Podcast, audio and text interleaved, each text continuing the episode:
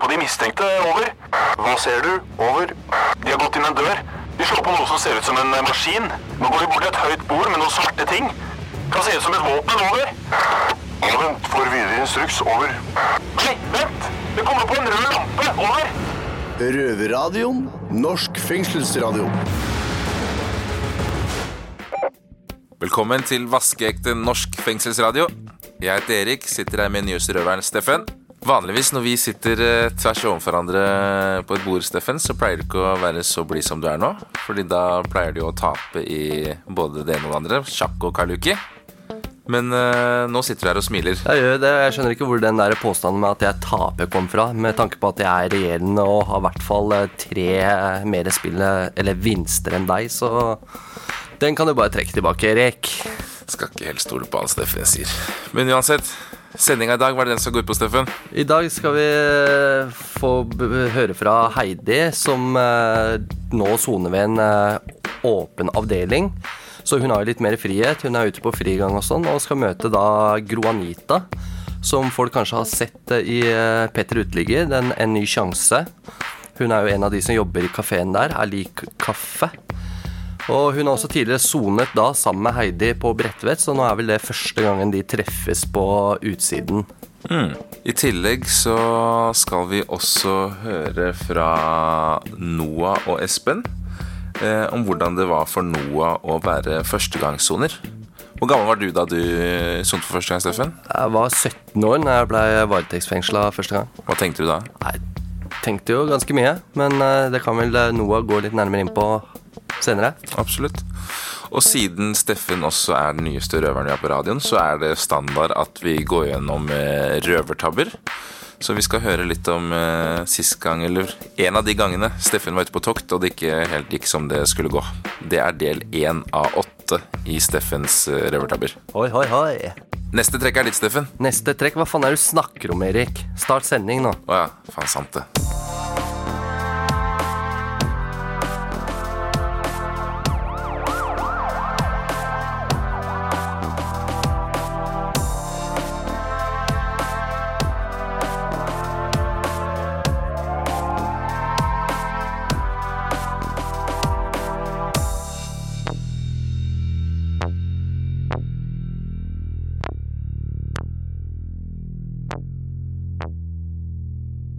Her i Oslo fengsel kommer det og det går folk hver dag.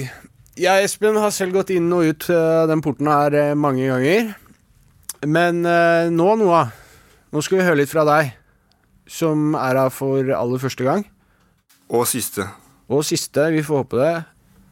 Du, Noah, jeg tenkte vi skulle snakke om en ting som jeg er litt nysgjerrig på, og det er hvordan du som førstegangssoner vil beskrive det å sitte i fengsel.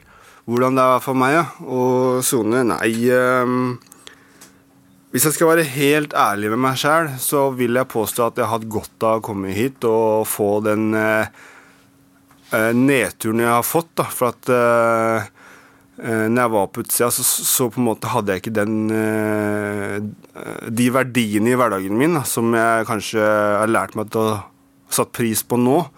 Ja. Hvis du skjønner hva jeg mener? Eh, Nei, jeg ikke Nå har jeg ingen frihet. Jeg har ingen eh, venner. Jeg har eh, kun meg sjæl og den, den, cella ja. å forholde meg til. Og det har jo i seg sjæl vært jævla tøft. Men når jeg var der ute, hadde friheten der. Jeg satte ikke pris på det. Jeg satte ikke pris på de nyktre vennene som kanskje ringte meg sånn fra barndommen innimellom. Jeg bare ditcha dem. Eh, Gadd ikke å ta kontakt. Liksom Hadde den der stengte døra, for jeg hang bare med de folka som drev med stoff. Du ble litt sånn egoist, på en måte? ja, ble sånn høy på meg sjæl og rusen og så ikke helt eh, egentlig hvem jeg sjøl var heller, for å si det sånn. Ja. Så, så For deg så har det faktisk egentlig vært en litt sånn Hva skal man si? Ja?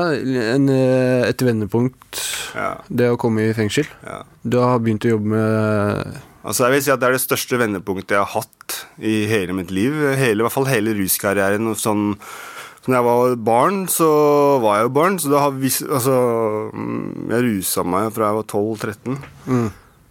Så jeg kan ikke si jeg har vært edruelig i puberteten heller.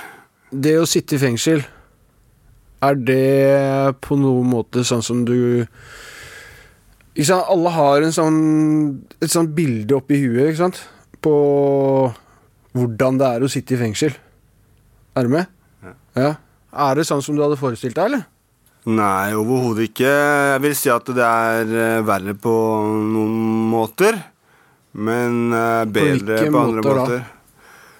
Eh, at eh, sitter så veldig mye innelåst da, på den der cella. Du føler at det er, det er ganske ille.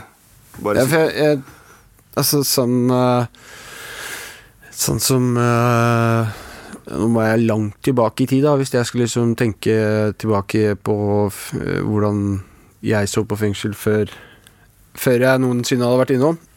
Så så tror jeg faktisk ikke folk helt klarer å forestille seg det. At man uh, Mye av hverdagen den går med på å sitte innelåst på cella aleine i 23 timer i strekk.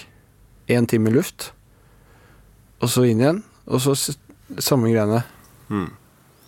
Ja, nei, du bryter jo noen uh, barrierer, eller du bryter jo noen mønster, eller du bryter jo livet ditt bort. Altså Det er til å bli gærne, Ja. på en måte.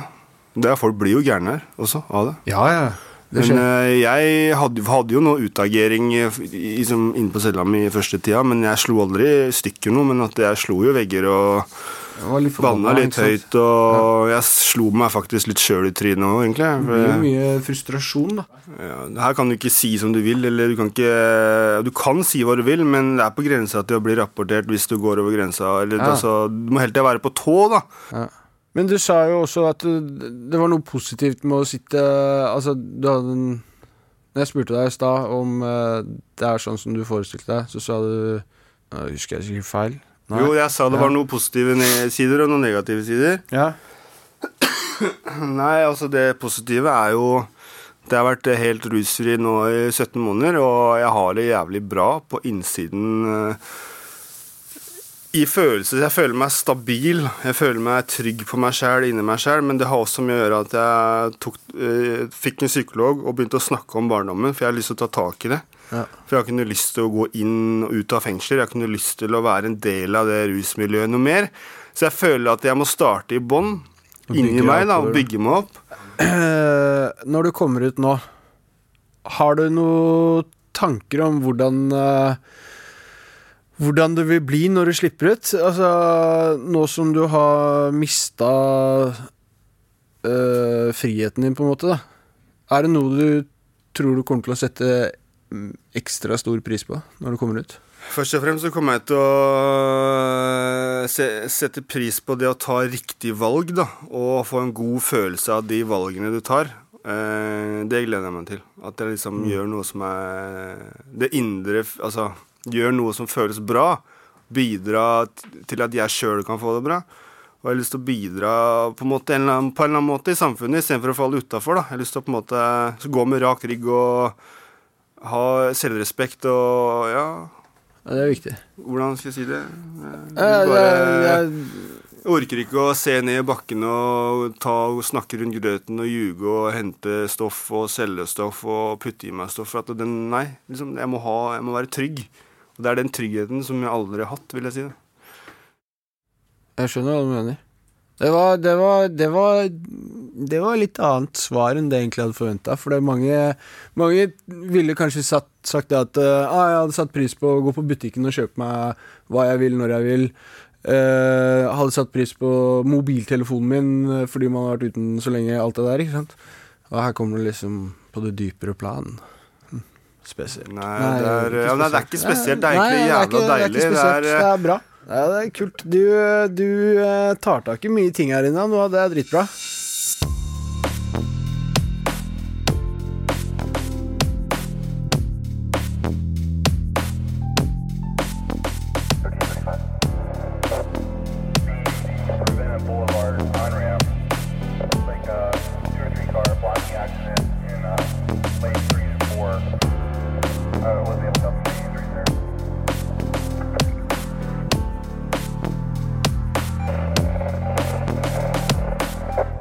Da beveger vi oss over til eh, vår reporter Heidi, som befinner seg i Akersgata.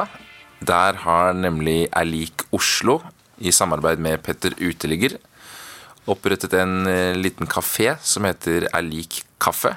Og Heidi står klar til å prate med en av medarbeiderne. Det her er Røverradioen. Det er jo Heidi, og jeg har tatt meg en tur utenomurs for å dra ned og se på det spennende prosjektet han Petter Uteligger og kompani har eh, gjort der nede i Akersgata med kafeen. Velkommen til deg, eller eh, Gro Anita. Takk for at du stiller opp her. Hvor det går? Takk skal du ha. Det går bra. Ehm, Jeg har det kjempefint her. Vi har jo vært i fengsel i dag, men at jeg skulle treffe deg bak eh, kafédisken her nede, det var jo litt Det er jo litt spesielt. Ja, det var det. Ja. Jeg hadde ikke trodd eh, når jeg først skulle møte, møte deg gjennom at det kanskje var her, men det var i hvert fall under positive omstendigheter, og det setter jeg veldig pris på. Hvor mye betyr det for deg å være med på det her? Du har jo vært med fra starten. Fortell litt om det. Eh, Det betyr veldig, veldig, veldig mye. eh, Både for meg selv, men også for å kunne vise at ja, vi som på en måte har blitt skufla under, da, eller skuffa unna, heter det vel kanskje, eh, i samfunnet, også kan være med til å vise at vi kan bidra med ting og fungere helt normalt som alle andre. Vi kan være en ressurs og en verdi for mange. da, Sånn som å drive en kafé. Det er jo veldig givende. Og kaffe. Altså, jeg hadde aldri trodd at jeg skulle fordype meg i kaffe, men nå veit jeg liksom alt fra start til slutt. Når jeg leverer en eh, kopp kaffe, så er det med en verdi og en historie bak det. Og bare det er jo kjempegivende i seg sjøl. Men eh, jeg lurer på Når du jobber her nå, eh, er ikke det som frivillig? Eh, Jeg kom inn i prosjektet ved at de spurte om jeg hadde lyst. Jeg er jo 100% ung ufør. Eh, Men det er en jobbtrening da, for å se på en måte Jeg jobber jo fire timer. eh, Og må jo selvfølgelig se an formen og sånne ting. Eh, For jeg sliter jo med sosial angst, og det kan jo være litt utfordrende, spesielt hvis det kommer mange. Men da kan jeg fra å stå bak i kassa og lage kaffe eller ta kassa, så kan jeg gå rundt og rydde og prøve å roe ned på den måten. Så uansett hva man gjør her, er like betydningsfullt. Så det, det å jobbe her betyr masse. Gro Anita, for noen år siden, hadde du trodd at du skulle stå i den situasjonen som du er i i dag? Det er helt klart en stor forskjell. Eh, For det første fordi at eh, da tenkte jeg ikke noe i det hele tatt. Det var bare helt kaotisk, det livet som jeg har hatt før. Eh, Fra uten livsgnist til full gnist nå, for å si det sånn. Så nå begynner jeg med to og to uker fremover og kan se fremover i tid. Før så kunne jeg ikke se en dag fremover engang. Men nå er jeg med på Og nå har jeg også vært rusfri i ni måneder. Så det kan ikke sammenlignes. Det er ikke sammenlignsbar. Da sier jeg tusen takk til deg, Gro Anita, og lykke til med kafédrifta. Tusen takk, og det samme til deg, Heidi. Du hører på lyden av ekte straffedømte. Røverradio. Hver lørdag på NRK P2 halv to. Og når du vil som podkast. Nå skal vi snakke om eh, noe litt eh, smertefullt, kan jeg se for meg. Eh, Sikkert litt flaut òg, iallfall hvis du blir tatt for det. Du hører på Røverradioen. Jeg heter Ola. Jeg er ansatt, ikke innsatt, men det er de to framfor meg, Noah og Chris. Hei, hei. Hei, hei. Dere, Vi har jo disse fengselsmytene våre der folk sender inn ting de lurer på, fordommer og sånne ting om fengsel på Facebook til oss. Og nå skal vi ta opp en her som jeg Ja, jeg vet ikke om dere har gjort det. Jeg tror ikke dere ville innrømt det uansett, da, men den setter heter Lars, som lurer på Eller han lurer ikke på, han sier at eh, dere er veldig flinke til å stappe ting opp i rumpa. Og smugle ting inn. ja. Smugling, tenker du? Ja, og da er det liksom På utsida bruker du posten, og her på innsida så bruker du analen. Det er mye rumpedop her, for å si det sånn. Er det et eget begrep? Uh, har vel selv med meg har sin her, da. Og det gikk jo opp i toeren. Det gjorde det? Ja. Ok, Altså Hvordan forbereder du deg mentalt til noe sånt? Nei, jeg tar det vel litt sånn spontant. Tar det der og da, liksom. Ah, gikk rett inn på do, så bare skjøv han oppi. Han er lille som går. For å si det sånn, det, jeg har aldri gjort det. Og så viktig er ikke stoff for meg. Eh, men eh, jeg tenker at det må være Det må, det må jo være noe i det. Det, det, er, det, er ikke, det er ikke bare bare å putte opp rumpa, liksom. Det må Spørs være hvor noe stor plass du har der. Ja, for. Vi må jo spole litt tilbake. Hva er liksom motivasjonen for å gjøre det? Ikke sant? Nei, ja. det er jo greit å ha noe å kose seg med inne på cella, tenker jeg. Du vet det blir mange dager da, til i det hele tatt du får tak i etter det her tenker jeg. Så ha noe som får tida til å gå der inne, da. Ja, for du, må, det, det. du må jo være ganske desperat, tenker Jeg jeg. da. tenker folk er forskjellige. Folk har forskjellig under eller mellom øra. Så, så viktig har det aldri vært for meg å putte i meg stoff at jeg må putte i rumpa mi for å putte det i kjeften eller røyker eller eh, Nei, altså. Men eh, Lars har rett når han sier det er mye trafikk opp i, i bakenden her inne i fengsel. Det vil jeg si er den første plassen du tar, da. Du, du blir jo ikke sjekka opp i ræva når du, Men, når du eh, kommer inn, så det er vel den sikreste hvor, plassen. Hvor mange som gjør det, det er ikke godt å si. Nei, Men det- eh, det kan hende at det er flere andre måter å gjøre det på. Jeg vet at folk gjemmer ting i håret. Ja, han, det var jo en som ble I skoa, tatt her forrige uke. Ja, i skoa og håret. Altså, det er flere muligheter. Men eh, den tryggeste veien er sikkert eh, bæsjen. Men det er jo en risiko knytta til dette her. Altså hvis uh, posen masse. sprekker og sånt. Har du en lang dom, tenker jeg, og sånn, så tror jeg ikke du har så mye å tape på det. Nei, Hvis men du det er vel har- ikke bare hasj folk tar inn i altså, Nei, men tenk på hvis, eh, hvis de putter i seg heroin da, eller rumpa, det går høl i den posen. Ja, Da blir du jævlig høy, eller så får du en overdose. Det er enten eller. Man tar seg ikke så veldig høytidelig når man holder på sånn, vil jeg si. Men de som gjør det, de gir på en måte faen. Ja. Jeg har ikke vært borti et fengsel hvor det har vært så lite røykings da, som det er her i Oslo fengsel nå for øyeblikket.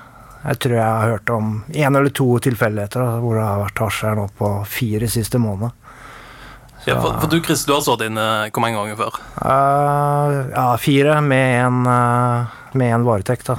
Og på en skala fra én til ti, hvor vanlig det er at folk smugler ting inn via Jeg har gjort det selv alle gangene, og jeg tenker så lenge jeg har gjort det, så er det vel mange flere andre som sikkert har gjort det. Men Hvorfor blir det ikke tatt mer? Altså, Jeg føler dette er så åpenbart. Hvorfor blir folk ikke tatt ofte? Du er jo innelåst på cella ja, eh, 20 timer i døgnet, og de sjekker døra tre-fire ganger i løpet av en dag. Men Har de ikke lov til å bare gi dere avføringsmiddel Det er- og det er så sette dere her før dere får gå videre inn i fengsel? Det liksom? hadde sikkert vært en metode, det, men, Men det er jo ofte, de bruker para, den ikke. det er jo ofte paragraf på dørene. Så fort du ser en paragraf, så tenker du her er det noe rumpe, rumperi. Chris, eh, når du har gjort det sjøl, er det bare for eget bruk, eller eh, er det sånn at folk pleier å selge det som regel? Nei, det var eget bruk for min del, da. Det var jo veldig lite. Så da er det jo greit å ha det selv. Jeg gidder ikke å lage problemer for andre her inne, så de får ordne det selv. Men er det vanlig folk gjør det for å selge? Ja, det har vært tilfeller her hvor en driver og mikser og trikser litt. Vel mye, for å si det sånn. Men blir folk tatt? Nei eh, Både ja og nei, tenker jeg. Ja, For du har gjort det en del ganger. Har du blitt tatt sjøl? Eh, Jeg ble jo tatt her eh, så fort jeg kom inn. Da. Jeg prøvde jo å smugle med meg litt hasj. Og også her for eh, ja, to, to er vel snart tre måneder siden. To og en halv måned siden eller noe sånt. Så, så røyka jeg dagen før og lagde meg en pipe. Og selvfølgelig, vet du, dagen etter at jeg gjorde det Jeg hadde ikke hatt ransaking på rommet da, eh, på lange tider. Og så selvfølgelig dagen etter så kom de inn på romsjekk, og da fant de pipa jeg hadde, og ja, alt sånt som det der. Så da var det Mista fellesskapen i en ti dager, og mista jeg jobben og alt sånt, så du, du risikerer jo en del. da. Det gjør det. Det er harde straffer for det. Ja, jeg tror det er litt sånn Enten så får du en hard straff, eller så får du en ja, liten straff. Ja, litt ettersom hvor mye du blir tatt med, tenker jeg. Ok, da tror jeg vi avslutter der. Enden er god, iallfall eh, så langt. Og vi kan si at Lars eh, har eh, 100 rett. Ja. Ganske. Ja. Men det, dere har slutta med det nå, ikke sant? Eller bare du, Ja, da? jeg skal snart ut, så Ja. prøv å holde med på måten nå.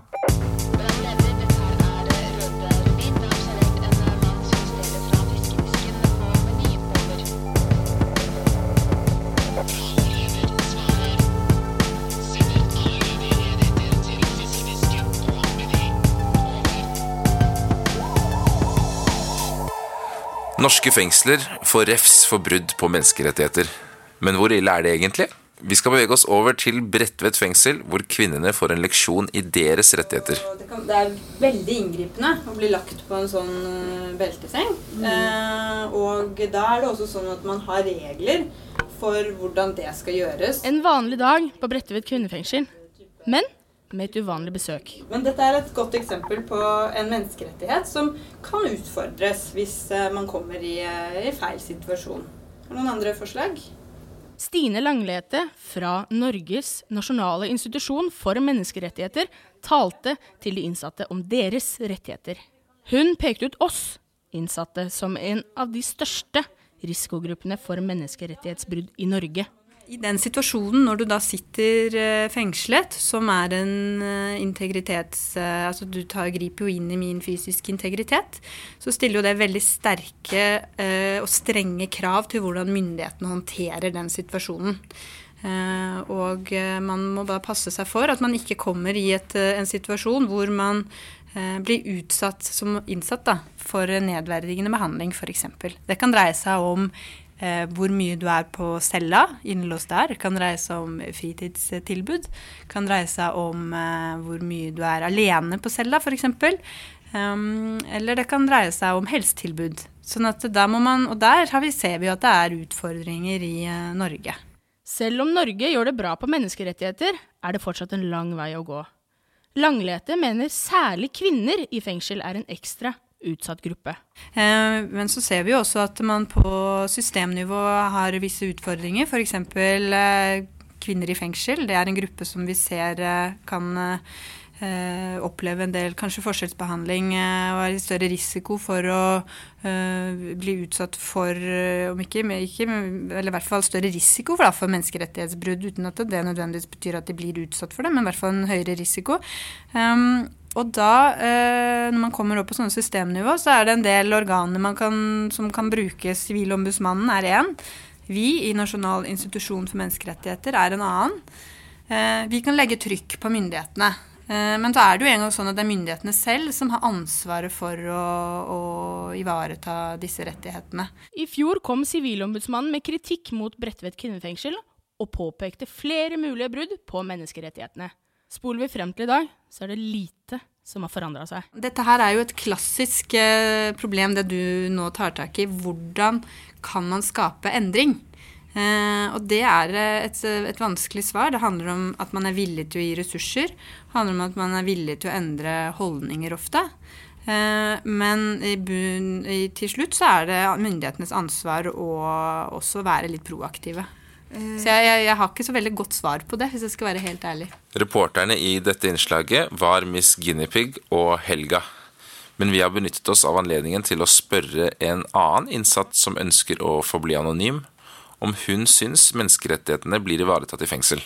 Nei, det er eh, så å si ikke ivaretatt, fordi helsetjenesten den fungerer ikke. Vi har en eh, fastlege her som er mann, og han eh, tar ikke f.eks. gynekologsundersøkelser.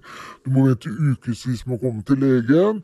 Og en annen ting som jeg reagerer sterkt på her, er at betjentene mener i makt av sin stilling at de kan skjelle deg ut.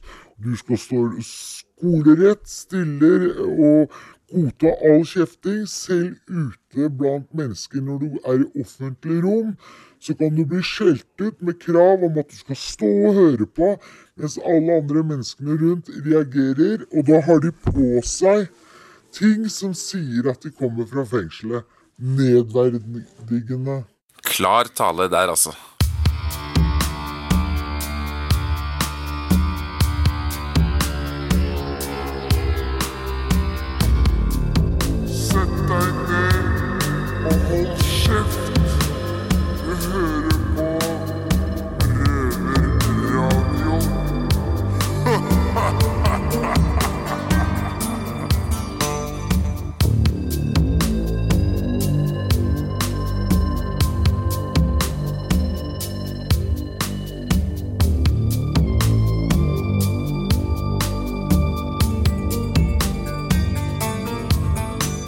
Ja, det er jo slik at eh, når vi har eh, en ny røver på radioen, så er det vanlig at eh, man deler en liten røvertabbe.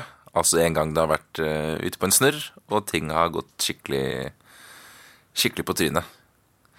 Steffen, du har mange på lager. Det stemmer det, Erik. Kan du dele en av de med oss? Uh, skal jeg bare begynne med en gang, eller? Bare kjør på, du. Det her er jo en god del år tilbake. Jeg tror jeg var sånn eh, 15-16 eller noe sånt. Eh, Det var den tida Rohypnol var eh, populært i Oslos gater. Gode gamle 542, eller grønne. Hippere, kall det hva det vil. Eh, Så det hadde blitt noen del av dem da innabords, og jeg var sammen med et par kompiser. Hmm, Vi var nede i sentrumsområdet. Sola kinte, det var sommersol. Plutselig så bestemte jeg meg for da at jeg skulle inn på Gullborgen, da, vis-à-vis ved Gunerius der, og stjele noe, da. Så jeg gikk inn der og stelte meg opp foran skranken og sto og titta på noen gullenker, da, eller armbånd. Så jeg et veldig kult et, da. Det dyreste, det var jo sånn 19 000 eller noe sånt. Tenkte jeg det skal jeg ha. Så da bare åpna jeg skranken. Gikk bort til det og plukka til meg det, og damene som sto bak der, begynte jo selvfølgelig å Hva er det du driver med, liksom? Prøvde å stoppe meg, da, men uh, får ikke stoppa meg, så jeg forsvant jo bare rett ut der. Dro med meg kompisene mine, kom oss unna. Og så tok vi turen videre til uh, Frognerbadet. Skulle jo bade og kose oss og hei og hå.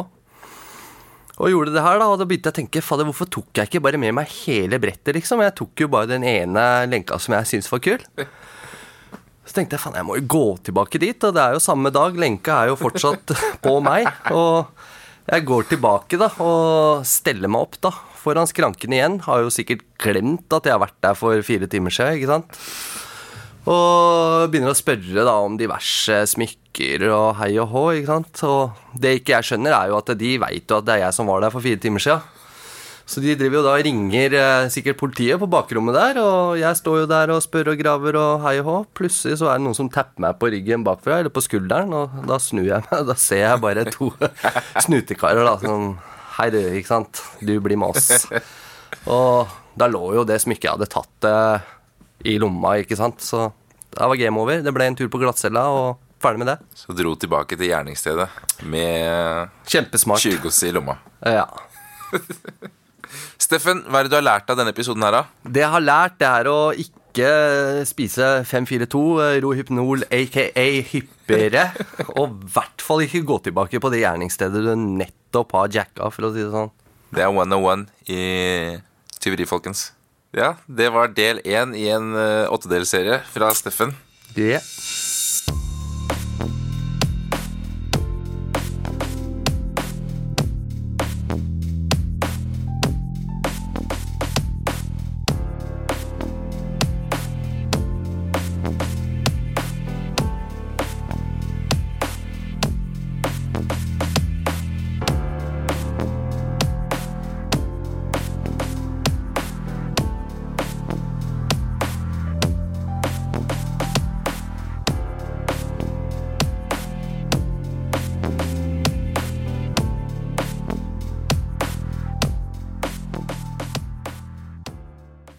Sendingen straks slutt for denne gang. Det var kjempeålreit å høre fra Heidi og det intervjuet med Gro Anita. Eh, Dødskult at hun eh, Gro Anita klarer seg så bra nå. Og har fått en så positiv giv da, etter det prosjektet Er kaffe. Eh, Håper flere vanlige bedrifter der ute tar også litt ansvar og begynner å ansette folk som har vært i vanskelige situasjoner. da, Og tar sjansen på at det faktisk de klarer å fungere i et eh, normalt samfunn. Absolutt. Ikke sant? I tillegg så er jeg kjempefornøyd. Det er alltid når jeg prater med Steffen, for den får meg alltid til å le. Og den røvertabben din, den var eh, midt i blinken. Og det er veldig ålreit å gjøre jobben til politimenn så mye enklere også. Ved bare møte opp. Ikke sant? Bare stå der og vente. Ja, du er pliktoppfyllende på visse måter. Riktig. Er det noe annet du har tenkt å gjøre når du kommer opp på cella, bortsett fra å tape i sjakk, eller, Steffen? Det var jo den store planen da, at jeg skal opp og dunke deg i sjakk da, for å sette, sette et endelig punktum da, i hvem som er sjefen i sjakkhopp på avdeling 8. Ja, så får vi komme tilbake med tilbakemelding her på radioen om hvordan det gikk. Noe jeg tror alle vet hvordan det kommer til å gå. Ja, cocky, cocky. Kan ikke vi ta et lite veddemål eh, når vi kommer opp av Steffen? At uh, taperen må synge Bæ bæ lille lam på neste sending? Jo, det kan vi gjøre, og vi har jo Noah her, så Noah kan jo være referee når vi spiller, så ikke det blir noe løgner i ettertid. Nei, den er grei. Ja, Men det var da nok for denne gangen. Du hører oss på fredag, Radio Nova klokka seks, lørdag på P2 halv to og på podkast når enn du vil. Da var det sjakk matt for denne gang. Yeah. Det har vært stille fra over en time. Hva skjer? Over. Det er bare et radioprogram. Det er lettere å høre på dem der. Over. Ja, vet du når det går, da? Over.